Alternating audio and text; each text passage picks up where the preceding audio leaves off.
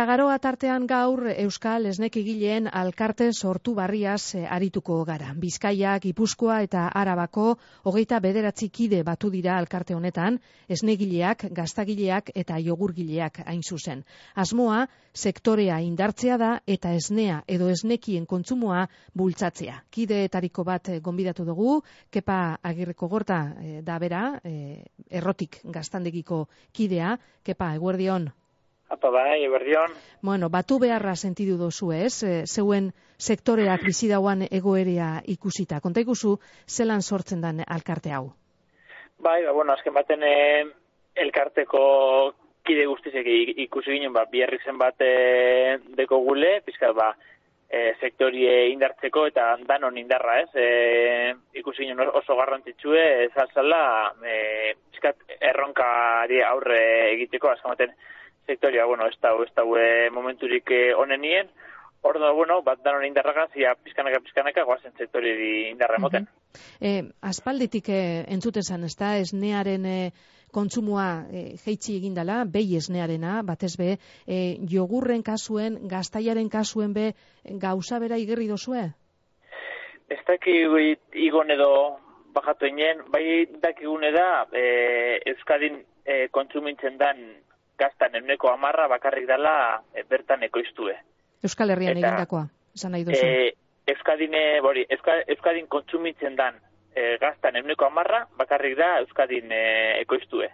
Uh Eta datu hori oso oso tristi da, ez? Azken batean, ba, bueno, e, horreri heldute sortu dugu elkartie, pizkat, e, zenbaki hori pizkanaka pizkanaka ia gerota gora uduan eta bertan e, ekoizutako gerota gazta gehiago dekogun. Zaten e, arlo biak gure dugu ze jorratu bai. Uh -huh. e, kontsumitzaien e, aldetik ba, kontzentziazio pizkate gadatzeko, ba, bertoko produktu eri garrantzia emoteko, eta bezaldetik e, ekoizlien partike bai, ba, pizkanaka pizkanaka ia e, gero eta eraldatzaile gehiago dauzen, eta gero eta esnek gehiago ekoizteko ekoizliek dauzen, pizkanaka, pizkanaka, bori, uneko amar hori igoten e, joeteko. Esan dugunez, hogeta bederatzi kidezarie, Bizkaia, Araba eta Gipuzkoakoak, danetarik dago zeuen artean, ala gaztagileak edo e, esnegileak nagusitzen dira?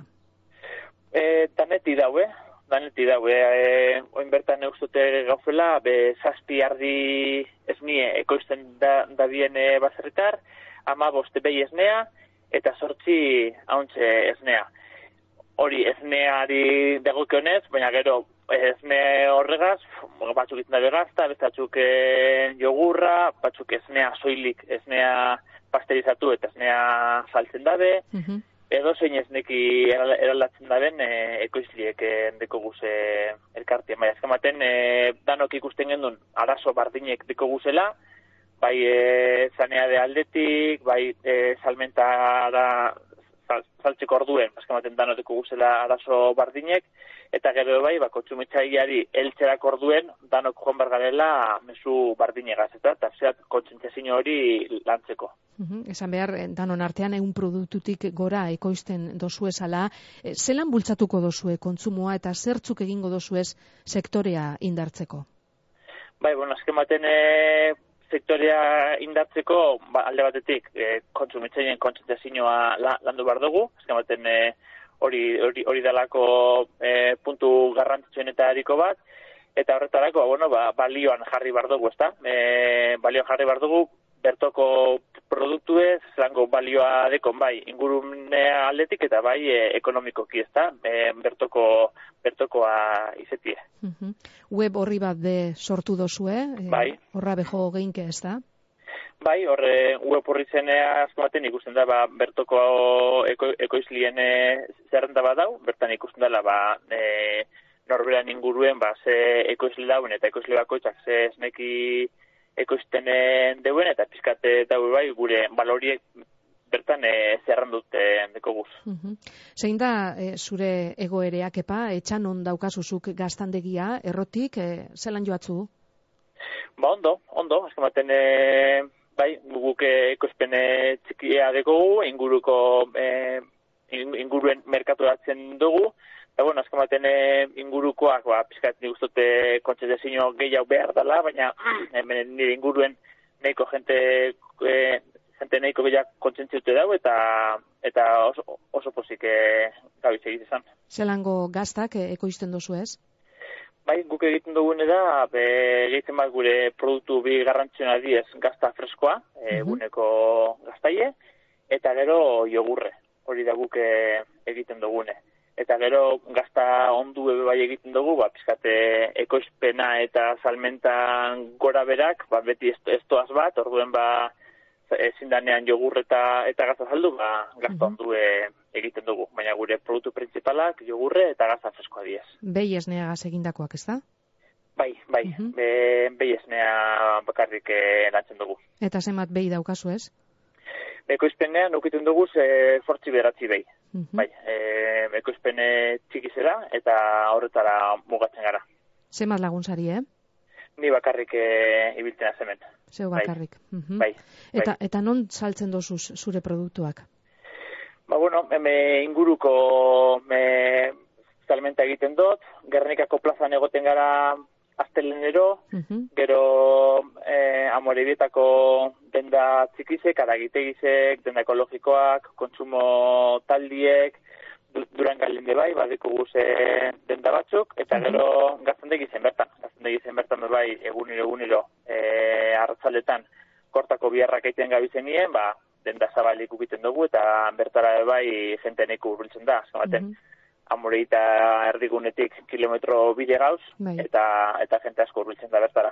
Ekologikoan ekoizten duzu? Bai, bai, guri uh -huh. eredue ekologikoa da, bai. Uh Eta zu zeneko salmenta aipatzen da beti, ezta? E, hori dala bai. E, onena? Bai, azken baten e, guk alegintzen garena da, ez nekiaren kate guztia guk e, egitea. Guk e, ekoizten dugu, gure behiak jaten da bien belarre guztia, hemen e, etxanoko zelaietan, gero, belar hori, ez, e, behiakaz, ez ne bi, bihurtzen dugu, eta gero e, jogurrak eta eta gazte freskoak e, egiten dugu. Eta kate horregia bukaera emoteko, ba, salmenta zuzen, azken baten, dekogune ekoizpene txikiagaz, ba, e, garrantzia eman barra dutxugu e, ekoizpeneko kate guztieri. Eta errotikek badauka bere web horria, be? ez dakite internet bitartez be, e, saltzen duzun? internet bitartez dugu askorik e, saltzen, azken baten e, ekoizpen txikia da, bertan e, bertan saltzen dugu geizen bat, orduen ba, ja, e, azken internet ez saltzeko helburu ja diez ja, e, urrin haue joeteko helburu ez da, eta gu alegintzen gara, ba, inguruen bertan saltzen. Euskal Esnekigileen alkartera bueltauta, e, bugeta bederatzi kide zarie, baina kide barriak be sartu daitekez ez da, batan, bate, e, batan batek interesa eukiko baleu, zer egin beharko leuke? Bai, ba, bueno, azken baten e, gugaze harremenaten jarri, eta eta ez ez azken baten e, gukateak zabalik endekuz, web unean badago bertan e, informazioa, eta bertan daue gugaz harremanetan ipinteko bidie, eta eta dan dan da danontzako dekusatiek zabalik, ezta? Baten uh -huh. holako erronka bateria aurre egiteko danon indarra garrantzitsu da.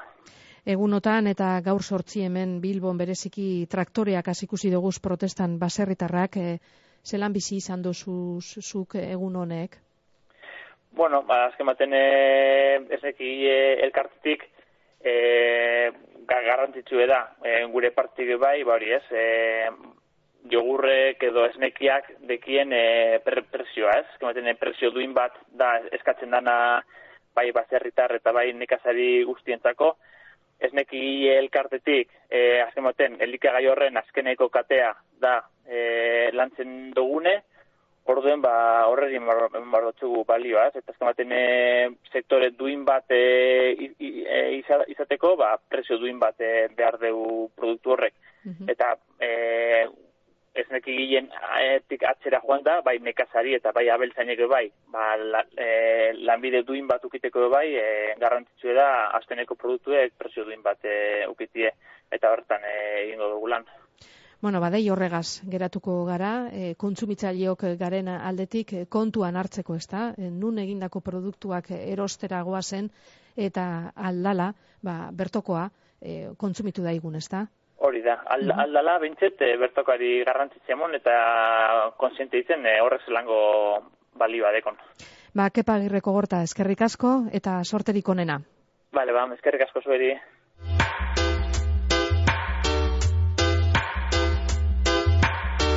Esku eskura, Bizkaia irratia.